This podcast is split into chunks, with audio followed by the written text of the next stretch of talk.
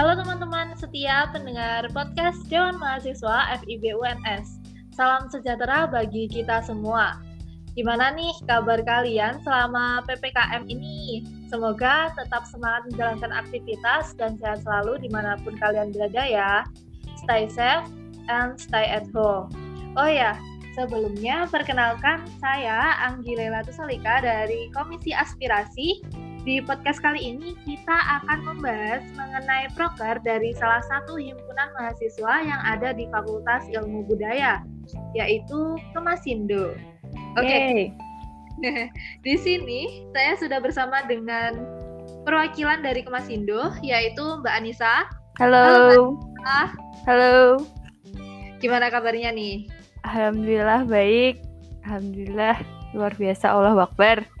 Amin. Uh, semoga nggak bosen selama di rumah ya Mbak ya. Ini kan lagi ya. Iya. Alhamdulillah nggak bosen kok. Enak di rumah terus. Oke Mbak Anissa, mungkin sebelum membahas mengenai proker Kemasindo, Mbak Anissa bisa menjelaskan secara umum nih mengenai apa sih Kemasindo itu? Mungkin dari pendengar podcast sendiri masih bingung nih mengenai Kemasindo sendiri apa itu artinya? Oke, jadi Komasindo itu uh, merupakan himpunan mahasiswa dari jurusan sastra Indonesia. Nah, Komasindo itu sebenarnya bentuk apa ya singkatan ya Kemasindo. Kepanjangannya itu Keluarga Mahasiswa Sastra Indonesia. Jadi ya isi-isinya pasti dari sastra Indonesia dong gitu. Iya, dari angkatan atas sampai bawah ya Mbak ya? Ya, kalau yang periode sekarang ini dari angkatan 2019 sama 2020. Oh. Tuh. Jadi dua angkatan gitu. Oke, oke, oke. Nah, seperti itu ya teman-teman gambaran umum mengenai Kemasindo itu. Nah, gini Mbak, uh, kayaknya kita bisa membahas nih mengenai prokernya sekarang. Tanya nih, proker Kemasindo secara umum itu seperti apa ya Mbak ya? Oke, proker Kemasindo secara umum. Berarti yang umumnya ya. Iya, Jadi Kemasindo itu uh, punya uh, beberapa proker yang besar sih, tapi yang paling besar kayak yang main course-nya gitu kayak main acara main proker dari Kemasindo itu ada oh. Vesas ya Vestas Vesas sama Malapsas gitu yang ah uh, internal eksternal uh, pasti ya tau lah di lingkungan FIB Vesas sama Malapsas itu apa gitu. Jadi uh, proker Vesas ini uh, kalau dibilang tuh termasuk ke dalam bidang sastra ya, sastra kesenian gitu. Mm-hmm. Dan kalau di Kemasindo sendiri ini uh, proker Vesas ini Festival Sastra itu dipegang langsung sama divisi SS atau seni dan sastra gitu. Oh. Terus uh, ada lagi proker ini lanjut aja ya langsung proker yang lain nggak apa ya?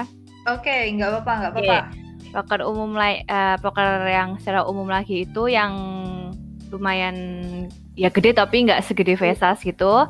Ada Poranti ini kalau bisa dibilang proker HMP pasti setiap HMP atau Ormawa adalah pasti ada, Poranti ya. Ada.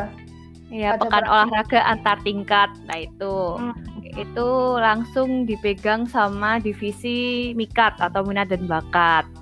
Terus oh. ada uh, ini yang mungkin poin juga ya. Ini ada broker Dharma Bakti yang emang kita adakan untuk khusus untuk pengabdian masyarakat gitu.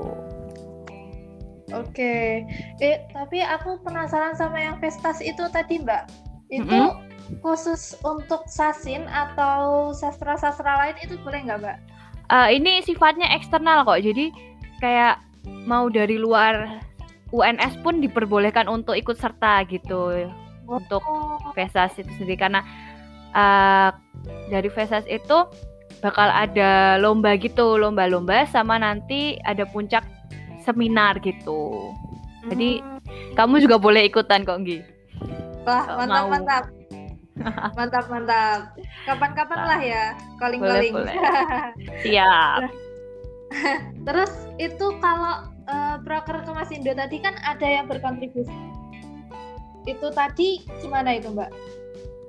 Uh, sebenarnya tuh uh, buat yang berkontribusi sama masyarakat sebenarnya tuh ada dua nggak cuman yang tadi aku sebutin tuh kan ada Dharma Bakti nah, itu sebenarnya mm-hmm. ada satu lagi itu tuh namanya swaliterasi nah swaliterasi ini sebenarnya kayak rangkaian acara dari Vesas gitu loh jadi Vesas tahun kemarin itu ada rangkaian acara namanya swaliterasi tapi karena keadaan yang tidak baik-baik saja seperti ini. iya uh-huh. seperti ini jadi terpaksa ditiadakan dulu untuk tahun kemarin dan oh. di tahun ini gitu. Berarti tahun-tahun lalu ada ya Mbak ya? Kalau ya ada tahun harusnya. Ada. Kalau sebelum-sebelumnya hmm. harusnya ada. Lalu ada nggak sih Mbak jangka waktu pelaksanaan proker pengabdian masyarakat yang berkontribusi di masyarakat tersebut? Maksudnya eh, jangkanya itu lama berapa berapa kali eh, berapa kali dalam setahun atau gimana gitu mbak? Kalau dari Kemasindo sendiri itu untuk proker pengabdian masyarakat itu sebenarnya ya yang terpenting diharuskan ada satu kali dalam setahun periode gitu sih. Hmm. Jadi untuk pelaksanaannya itu fleksibel aja karena ikutin juga proker-proker yang lain gitu. Oh. oh. Jadi tapi tetap seharusnya kalau uh, keadaannya nggak kayak gini seharusnya setahun sekali itu harus ya mbak ya? Iya ya pokoknya hmm. mau ada corona juga kita maksimalin harus ada gitu satu setidaknya. oh, gitu oke oke. Lalu uh, dari Dharma Bakti sendiri itu penjabarannya gimana mbak? Sama yang satunya itu tadi? Oh yang sualitas sama uh. Dharma Bakti itu ya? Uh -uh. Uh -uh. dari Mana nih Dharma Bakti dulu? Oke, dari Dharma Bakti dulu. Kalau Dharma Bakti itu ini kan tadi langsung dipegang sama humas ya. Jadi PJ-nya hmm. itu dari humas. Itu hmm. penjabaran itu sebenarnya agak berbeda sih dari mungkin ini hampir sama kayak ini ya. Seperti apa ngapain aja gitu ya Dharma uh, Bakti itu ya. Uh, uh. Kalau yang tahun lalu itu ini aku jelasin dua-duanya atau saya emang agak beda sih Dharma Bakti yang tahun ini iya, sama tahun kemarin? Oke. Okay. Dua-duanya dijelasin. Oke, okay, siap.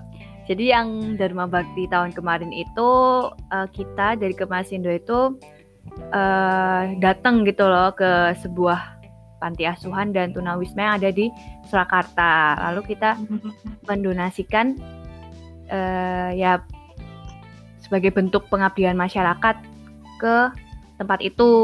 Nah, sedangkan okay. untuk yang tahun ini sedikit berbeda ya, karena kalau yang kemarin itu tahun kemarin itu ada di suatu tempat atau lembaga sosial gitu ya. Iya. Kalau yang di tahun ini kita lebih seperti bebas gitu loh karena tahun ini karena kita keadaannya kayak gini kan. Betul. Semuanya juga merasakan kesusahan. Ah, gitu ya, betul ya, banget. Ya iya karena itu jadi dari kita dari Kemasindo itu uh, Dharma Baktinya jadi bentuknya itu membagikan makanan itu oh. ke masyarakat-masyarakat di luar sana gitu. Hmm. Jangka waktunya gimana Mbak? Uh, kalau maksudnya uh-uh. kalau yang Dharma Bakti itu maksudnya uh, dalam satu bulan sekali atau dua bulan sekali atau gimana? Kalau yang untuk tahun ini, untuk yang tahun ini. Kalau yang untuk tahun ini itu uh, baru sekali itu waktu bulan puasa. Jadi memang membagikan hmm. itu sebagai selain untuk uh, sebagai bentuk pengabdian masyarakat, tapi juga uh, untuk menyemarakan bulan puasa juga ya kan bagi-bagi makanan juga ngepasin uh, nanti buka puasa gitu sih. Jadi pelaksanaannya itu oh, untuk periode sekarang ini baru sekali itu waktu bulan puasa kemarin. Oh, oke. Okay. Terus yang satunya lagi itu tadi. Kalau yang tahun kemarin itu juga kebetulan baru waktu itu hanya sekali sih di untuk pelaksanaannya. Sekali itu ke juga di dekat-dekat bulan puasa juga. Oh. Ya, jadi sekitaran gitu. di bulan puasa itu dari kita melakukan proker Dharma Bakti itu. Oke oke. Terus itu kalau boleh tahu, duh ini pertanyaannya agak sensitif nih. Aduh. Itu kan tentunya dari Dharma Bakti itu kan membutuhkan alokasi dana. Nah, yeah. itu dari mana tuh, Mbak? Kalau untuk saat ini ya karena uh, mau kalau gimana ya? Kalau kalau yang sekarang ini yang aku rasain maksudnya yang selama aku di Kemasindo itu untuk alokasi dana itu kebanyakan memang udah kita apa ya? Udah kita anggarkan gitu loh. Jadi oh. memang sudah ada di anggaran gitu. Oke, oke.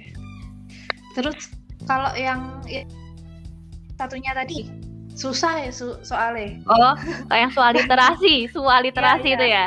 Kalau yang soal literasi itu uh, kita sempet donasi buku. Tahun kemarin itu udah sempet open donasi buku dari teman-teman yang mau donasi buku ke langsung ke panitia diperbolehkan. Itu udah sempet terkumpul juga bukunya. Tapi ya karena corona jadi nggak bisa. Eh, nggak uh, bisa langsung diberikan kepada yang kita sasarkan gitu. Hmm. Kalau kalau tahun lalu gimana tuh Mbak? Kalau tahun lalu biasanya dialokasikan ke mana? Pernah nggak uh, dialokasikan buku-bukunya itu ke perpustakaan umum atau gimana gitu? Kalau yang oh kalau yang kalau rencana tahun kemarin tuh ya itu sebenarnya soal literasi itu uh, apa ya kegiatannya itu kita panitia mendatang mendatangi gitu loh ke sekolah-sekolah dasar yang ada di sekitar yang di sekitar Solo Raya. Ya betul. Nah itu kita tuh kayak apa nggak cuma donasi juga ya nggak cuma donasi buku tapi kita tuh juga di sana mengajarkan literasi gitu-gitu loh. Jadi kayak oh. mungkin sastra atau membaca puisi atau membaca apa gitu. Jadi kita jadi, juga membaur gitu loh di masyarakatnya. Iya. Iya. Oke oke. Terus uh,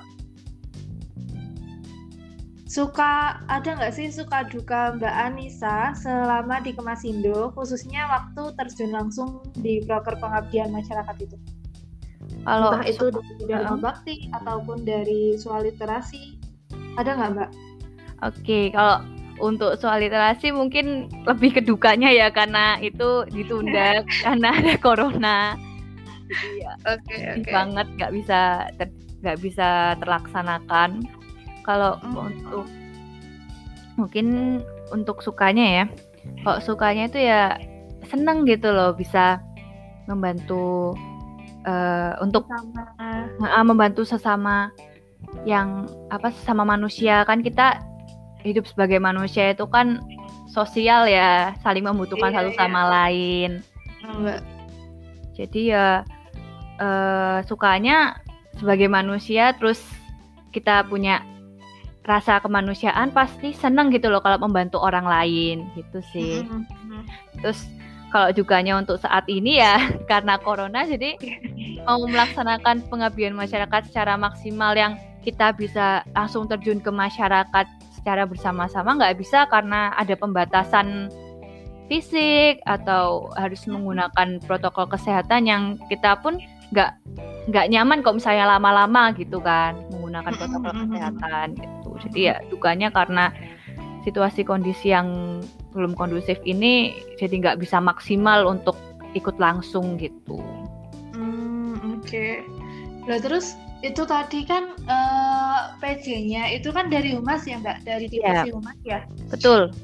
Nah itu pelaksanaannya, maksudnya uh, boleh nggak divisi lain ikut membantu? Maksudnya ikut uh, ikut ikut-ikutan donasi gitu maksudnya apa ya? Ikut uh, ikut serta gitu terjun uh, uh, uh, oh, terjun uh, langsung sama humas gitu. Uh, uh. boleh itu? boleh banget. Sebenarnya emang uh, dari humas itu lebih ke yang survei mencari tempat dan lain sebagainya gitu loh.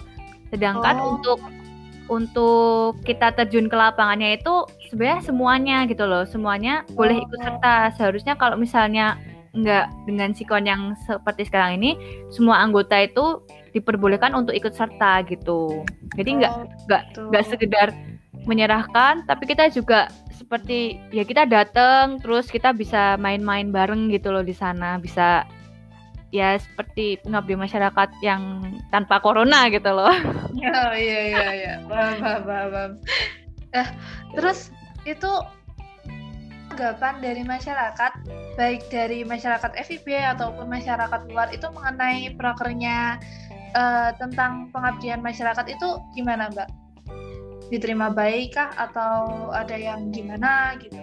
Alhamdulillah selama pelaksanaan yang di tahun lalu dan tahun ini belum pernah ada yang uh, komplain atau merasa merasa tidak tidak terima gitu nggak ada sih alhamdulillah sampai saat ini masih diterima dengan baik dari pihak. FIB maupun dari pihak masyarakat luar gitu.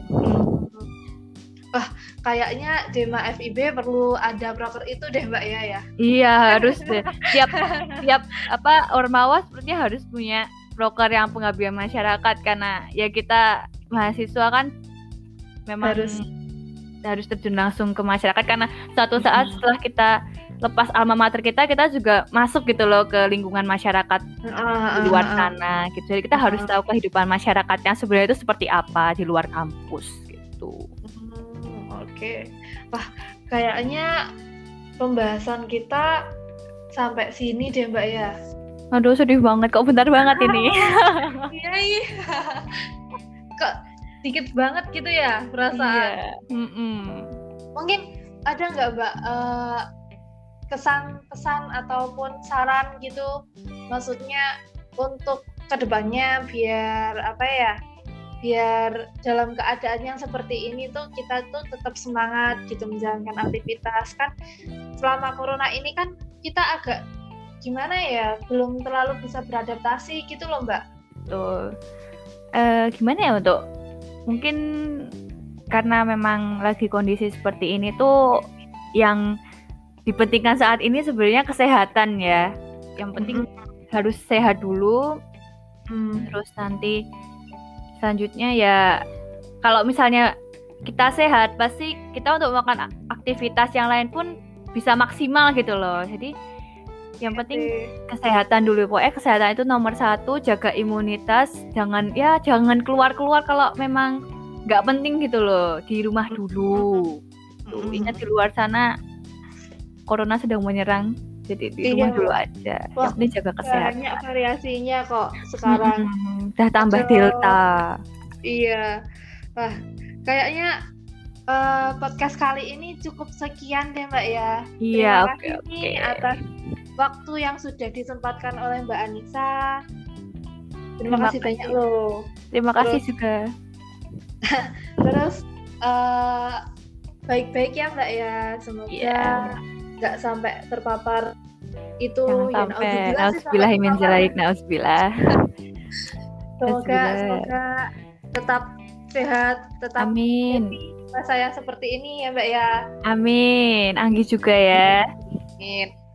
Terus salam buat kemasindo yang lain ya. Siap. Laksanakan. Salam juga buat Dema teman-teman Dema. Semangat terus. Semangat terus. Terus uh, kayaknya podcast kali ini agak berkesan lah ya kan kita uh, bisa dikatakan divisi yang baru uh, kok divisi sih organisasi yang pertama kali kami undang itu dari Kemasindo. Wih, keren banget Kemasindo nih first time nih. First first, first. eh first apa quiz First impression. Ya. Asik. keren keren. Semangat terus podcastnya buat tema. Terima kasih, terima kasih. Oke. Okay. Uh, eh, terima kasih juga kepada teman-teman podcast yang sudah menyempatkan waktunya untuk mendengarkan podcast kali ini mengenai proker kemasyarakatan dari Kemasindo. Sampai jumpa di lain kesempatan. Bye-bye. Bye-bye. Sehat semuanya.